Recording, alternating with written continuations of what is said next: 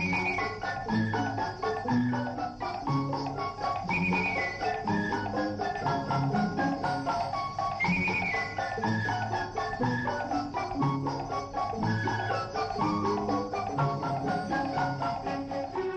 مساء الخير عليكم وأتمنى تكونوا بخير ومستمتعين برمضان مع عائلاتكم واخدين بالكم من نفسكم برضو. في حالة طناش رهيبة في موضوع التجمعات علشان العدوى الإعلانات كلها عن اللمة من غير حتى أي ديسكليمر أي إنذار صغير حتى عشان المنظر عشان ناخد احتياطاتنا اللي تتاخد في اللمة دي. فيا رب كلكم تكونوا سعداء وفي خير وبأمان. آه لسه مخلصين أول أسبوع في رمضان والواحد أخد فكرة عامة عن إيه اللي بيتعرض. طبعا مستحيل الواحد يتابع كل حاجة بس الفرجة خلتني أفكر في كل الحاجات اللي اتطورت واتحسنت في المسلسلات المصرية وبرضه خلتني أفكر في الحاجات اللي لسه لازم نشتغل عليها كتير أوي. فعملت لستة كده عايز أشارككم بيها. هما خمس حاجات عجبتني وخمس حاجات يا ريت صناع المسلسلات يفكروا فيها شوية عشان يبقى فيه تطور لقدام. أنا عمري ما اعتبرت نفسي ناقد دي اراء شخصية ومن ساعة ما بدأت السينماتولوجي وأنا عندي قاعدة وهي إني ما بمسكش عمل سينمائي أو درامي وأحكم عليه وأديه تقييم من عشرة لا أنا باخد الأعمال اللي عجبتني وأحاول أشارككم رأيي فيها ليه هي عجبتني علشان يزيد تقديرنا ليها ويبقى الهدف الأساسي من سينماتولوجي زي ما هو الموتو بتاعها هو كل ما هو عظيم في السينما المصرية والعالمية. وبالمنهج ده ممكن لما أتكلم عن الحاجات اللي عجبتني أدي أمثلة ولما أتكلم عن الحاجات اللي محتاجة تتحسن لقدام هتكلم في المطلق. لأن تاني الهدف الآخر هو إن الدراما المصرية كلها تتحسن مش إن إحنا نقعد نزم في عمل أو التاني. طيب تعالوا بقى نخش في الموضوع ونبتدي بأول ميزة في المسلسلات المصرية مؤخرا. في رأيي أول ميزة هي الإخراج. زمان أيام المسلسلات المصرية الكلاسيكية زي ليلى الحلمية أو المال والبنون أو الراية البيضاء كان العنصر الأساسي رب العمل هو المؤلف. كان هو ده التقل كله. وآه كان في مخرجين مسلسلات كبار زي يحيى العلمي ومحمد فاضل لكن القوة كانت في التأليف. زمان كانوا ثلاث كاميرات في استوديو كلهم على نفس الخط فكأن الممثلين على المسرح وبيكلموا جمهور. ما كانش فيه شطات مختلفة وكلوز ابس ودرونز. وكان زمان مثلا لما حد يتفاجئ أو يقول حاجة مهمة نشوف الكاميرا تقوم رايحة عليه وتعمل زوم على وشه. وكان في قطعه برضو بيستخدموها كتير قوي بين المشاهد وهي فتح المشهد بالجرسون شايل صينية عليها كوبايتين عصير عادة بيبقى عصير برتقال مريندا والكاميرا تتابع الجرسون لحد البطل والبطلة قاعدين على ترابيزة في مطعم. فكان إخراج من أبسط ما يكون. دلوقتي الموضوع اتغير تماما. أعتقد من ساعة ما المخرج محمد ياسين أخرج مسلسل الجماعة 2010 وده كان بداية العصر الجديد في المسلسلات المصرية. كان دلوقتي بقى المخرج فيه هو العنصر الأساسي. أي نعم كان المسلسل من تأليف طبعا المؤلف الكبير وحيد حامد الله يرحمه لكن اخراجيا كان المستوى السينمائي رفيع جدا. فزي ما المسلسلات بره بقت ساعات آه، أقوى حتى من السينما في مصر بقى عندنا نفس الكلام. والسنة دي الموضوع ده واضح قوي تامر محسن عامل شغل دقيق ومبهر في لعبة نيوتن. بيتر ميمي في الاختيار آه اتنين بيخرج مشاهد معارك بطريقة حلوة جدا والقطع حلو قوي ما بين الفوتج الحقيقي والمتصور. حسام علي مثلا مخرج القاهرة كابول عامل شغل حلو قوي بالذات في توجيه الممثلين. يعني دي حاجة مش مش سهلة ومهمة جدا. توجيه ممثلين أسلوبهم وشخصياتهم مختلفة تماما لكن مظبوطين مع بعض. آه، المخرج محمد العدل في بين السماء والأرض اللي هو فعليا يعني من ساعة الفيلم هو exercise إخراجي في لغة السينما. في معلومة غلط عن ناس كتير آه، إن المسلسل مبني على رواية لنجيب محفوظ. فعلى حد علمي نجيب محفوظ عمره ما كتب رواية اسمها بين السماء والأرض. هو كتبها كقصة سينمائية لأنه فاهم قوي لغة ومفردات السينما. ومحمد العدل واخد نفس المنهج ده فهو exercise إخراجي. فالإخراج دلوقتي عامة هو بالنسبة لي من أكتر الحاجات اللي اتطورت في المسلسلات المصرية. أول حاجة محتاجة إنها تتحسن بقى في المسلسلات بتاعتنا هي الحوار. علشان نبقى واضحين بخلاف الحوار في أعمال أسامة أنور عكاشه مثلا اللي فيها حاجات جمل حوار مبهرة ومؤلفين قلائل قوي من زمان وإحنا عندنا مشاكل في الحوار. زمان كان عادي تلاقي شخصية عمالة تفكر لوحدها بصوت عالي وتكلم نفسها علشان نعرف هي بتفكر في إيه. أو جمل كليشيهات زي وبعدين بقى يا ست ماما. فالحوار دايما كان محتاج تطوير. دلوقتي ما زال عندنا المشكلة دي. يمكن مش بنفس الطريقة إن حد يكلم نفسه بس في مشاهد كتير قوي كل دورها إن الشخصيات تحكي كل التفاصيل أو يبقى في شخصية مكتوبة بس صاحب مثلا أو أخ علشان البطل يقول له كل التفاصيل. ده اسمه اكسبوزيشن يعني هو حكي الحدث أو حكي الماضي مباشرة قوي كده. ده في رأيي كسل وفقر إبداع في الكتابة. لو حد هيقعد يحكي كده وخلاص ما تعملوها مسلسل إذاعي ويبقى أسهل على كل حد. في مقولة مهمة جدا وهي show don't tell وريني ما تقوليش. اكشف لي حقيقة الشخصيات ومشاعرهم من خلال أحداث وتفاعلات ومواقف بيتحطوا فيها. ده أذكى بكتير ولازم نفكر بالطريقة دي. في أنواع معينة من المسلسلات اللي هي المسلسلات الوطنية مثلا دي طبيعتها هي طبيعة توعوية فالحوار كله توعوي مش درامي.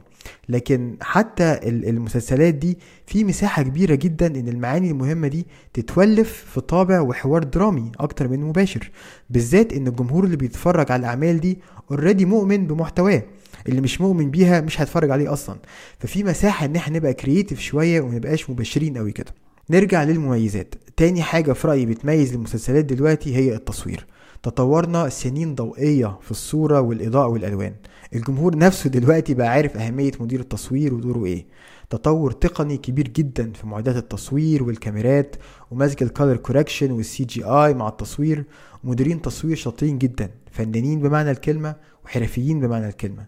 لكن تنويه مهم جدا مع الميزة دي وهي إن في رأيي الصورة الحلوة وده بقى التعبير السائد بين الجمهور مش كفاية لو الصورة ما بتخدمش القصة.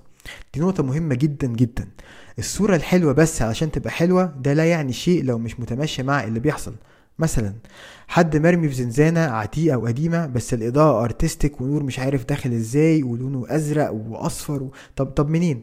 يعني الإبهار البصري بس علشان يبقى إبهار بصري ده مش مفيد للحالة اللي المفروض توصل لك كمشاهد واحد من أهم مديرين التصوير في العالم اسمه روجر ديكنز بعد ما أخد أوسكارز أحسن تصوير قال إنه عمره ما اقتنع بفكرة اوسكار ال cinematography لأن ال cinematography الصح هو اللي ما تاخدش بالك منه اللي ما بيلفتش نظر ليه علشان دوره هو خدمة القصة اولا وأخيرا.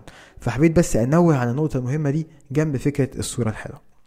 تاني حاجة بقى محتاجين إن إحنا نشتغل عليها جدا جدا هي فكرة البطل الخارق أو البطلة الخارقة النجم أو النجمة اللي بيقوموا دور البطولة. والشخصية البطل أو البطلة دي ما فيهاش غلطة فهو بطل ذكي وقوي وشجاع وجدع وشهم ووسيم وطيب وحبيب ومحبوب ودمه خفيف والدنيا كلها جاية عليه بس بيغلبها. طب إيه؟ إيه لازمة المسلسل بقى. يعني أنت بتبقى بتكتبه شخصيات من غير أي عمق ومملة جدا دراميا. لو أخدنا مثلا أحلى شخصيات مكتوبة في الدراما الأمريكية توني سوبرانو في ال Sopranos ولا والتر وايت في Breaking Bad ولا دون دريبر في Mad Men ولا بيث هارمن في Queen's Gambit آخر حاجة ولا ولا كتير جدا. الشخصيات دي كلها مركبة وما هماش ملايكة ولا perfect عندهم عقد في شخصيتهم عندهم نقط ضعف عندهم inner demons زي شرور داخلية لازم ينتصروا عليها. وده اللي بيشد أكتر. إن البطل يصارع حاجة جواه مش بس الأشرار الناس الوحشين يعني. فياريت نركز في الموضوع ده في رسم أبطال المسلسلات المصرية. وإلا هيبقى المسلسل مجرد PR علاقات عامة علشان تلميع آه، شكل نجم وبس. نرجع بقى تاني للمميزات. رقم ثلاثة هو ال production design والديكور تاني تطور سنين ضوئية عن زمان. في مشاهد الشغل اللي محطوط فيها فعلا جبار. من ناحية الديكور وال sets والبنى الإكسسوارات الصغيرة شكل الدهان عامل إزاي واللي بيسموه set pieces اللي هي المشاهد الضخمة. زي في الاختيار مثلا أو في مسلسل موسى مشهد الفيضان أو المشاهد اللي في الجبال في القاهرة كابول. يعني بينقلوا لنا عالم تاني بكل تفاصيله. فبرافو للفنانين والمهندسين والصنايعية اللي اشتغلوا على كل تفصيلة. دي من أكتر الحاجات اللي الصراحة بتبهرني جدا. وعشان تقدروا مجهودهم وانتوا بتتفرجوا على المشاهد دي افتكروا إن كل حاجة بتشوفوها جوه الكادر اتحطت واتبنت مخصوص يعني ب decision معين. ففي فريق عمل فريق art direction و production design هو اللي ورا الشغل ده. ففعلا تحياتي ليهم. السنة دي شغلهم ملحوظ جدا جدا. ولكن برضو عندي تنويه وده هيوصلنا للحاجة الثالثه اللي في رأيي محتاجين ناخد بالنا منها جدا. النقطة الثالثة اللي إحنا محتاجين نركز عليها عشان نتطور شوية هي الفيكنس الشكل المزيف الشكل الغير طبيعي على الإطلاق. يعني ما ينفعش نبقى في منطقة شعبية وبيت ناس على قد حالهم لكن في ديكور مبهر وألوان حلوة جدا ومش عارف المخدات اللي على الكنبة فيها pattern آه، مش عارف شكله إيه أو يكون محل جزارة أنواره بتلمع ونيون مش عارف ألوان عامل إزاي. يعني مش كل حاجة هنلمعها ده fake جدا جدا مزيف بشكل مستفز. يعني عادي يبقى المكان شكله على قده. لو هي دي حقيقته عادي جدا والله ولا في أي حاجة. لأن الجمال في غير محله شكله وحش. ونفس الكلام ينطبق على اللبس والشعر والمكياج. لازم بعض النجوم والنجمات يحطوا الإيجو اللي هو حالة الأنا بتاعتهم دي على جنب شوية يحطوها على جنب ويبقوا هما الشخصيات يركزوا في الشخصية بس. مفيش واحدة بتولد ومكياجها perfect مثلا. مفيش واحد عشوائي وحياته في الشارع على طول بس دقنه متظبطة ومرسومة وشعره فورمة على طول. ما ينفعش. الواحد بيفتكر سبع جار مثلا وقد إيه كان حلو إن إحنا نشوف الناس على طبيعتها وده عجب الناس. فالناس متعطشة تشوف حاجة حقيقية. مش لازم كل حاجة نلمعها مش لازم كل حاجة تبقى perfect طيب الحاجة الحلوة بقى رقم أربعة الميزة رقم أربعة في المسلسلات هي المزيكا. إحنا عندنا تراث في مزيكا المسلسلات المصرية من السبعينات والثمانينات موسيقى التترات لياسر عبد الرحمن وعمار الشريعي وعمر خيرت وحسن أبو السعود وأشعار سيد حجاب طبعا اللي يعني روعة الواحد ممكن يتكلم عليها ساعات. حاجة في منتهى الروعة. تراث في حد ذاته. وحاليا عندنا مؤلفين موسيقى برضه مبدعين للمسلسلات. تامر كروان وخالد القمار وهشام نزيه. يعني جيل جديد وال approach بتاعهم للمزيكا آه، للمسلسلات هو approach درامي. يعني مش بس بيألفوا قطع موسيقية حلوة لكن فعلا مخلوقة لخدمة القصة وتيمات بتعبر عن الشخصيات. مدرسة جديدة لل score المزيكا المصنوعة خصيصا للدراما. ولكن ده يدخلني لرقم أربعة برضو في الحاجات اللي يعني بتستفزني جدا الحاجات لازم نشتغل عليها وهي برضو المزيكا. طب إزاي المزيكا تبقى ميزة وفي نفس الوقت تبقى خطية؟ لأن المزيكا في حد ذاتها حلوة.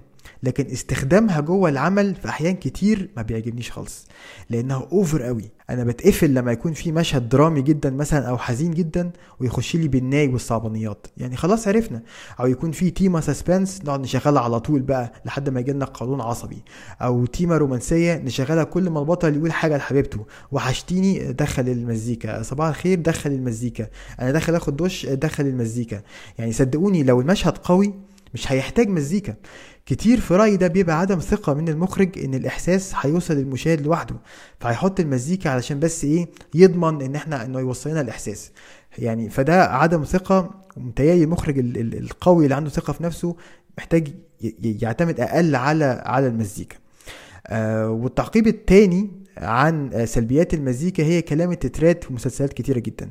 اللي هو الكلام التترات اللي هو الحكمة وراها هي إن الناس بقت وحشة. الناس بتمثل الناس خاينة الناس عندها 100 وش. خلاص عرفنا. يعني لأن إحنا بنقول كأننا بنقول البرتقال أنت لونك برتقاني. خلاص يعني فين الجديد؟ فين الإضافة في الموضوع؟ فأنا شخصيا بتقفلني جدا آه، كلمات التترات دي.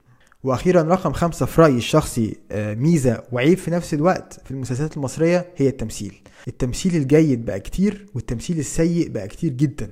في ممثلين زي منى زكي ومحمد فراج ومحمد ممدوح وطارق لطفي الفرجة عليهم وعلى أدائهم حقيقي بقى متعة. في مصداقية كبيرة جدا وفي أدوار ثانوية ومشاهد صغيرة ممثلين أدوارهم مش كبيرة لكن أدائهم حلو قوي. وأتمنى يبقى ليهم فرص أكبر قدام. وأكيد هبقى أنزل بوست يعني أذكرهم بالاسم واحد واحد لأن يستاهلوا تقدير كبير جدا مننا. وعلى الناحية التانية في ناس ونجوم ما تعرفش إزاي دول أبطال مسلسلات. تمثيل رديء بكل معنى الكلمة تمثيل يوجع العين ويسد النفس يعني. وحاجة تعصب إنهم واخدين بطولة مش علشان موهوبين بس علشان أسباب تانية. وفي المقابل في ناس موهوبين جدا عندهم يعني أحسن منهم مليون مرة بس ما عندهمش نفس الفرصة. فالكلام ده يعني ما تلاقوش في الدراما الأمريكية مثلا.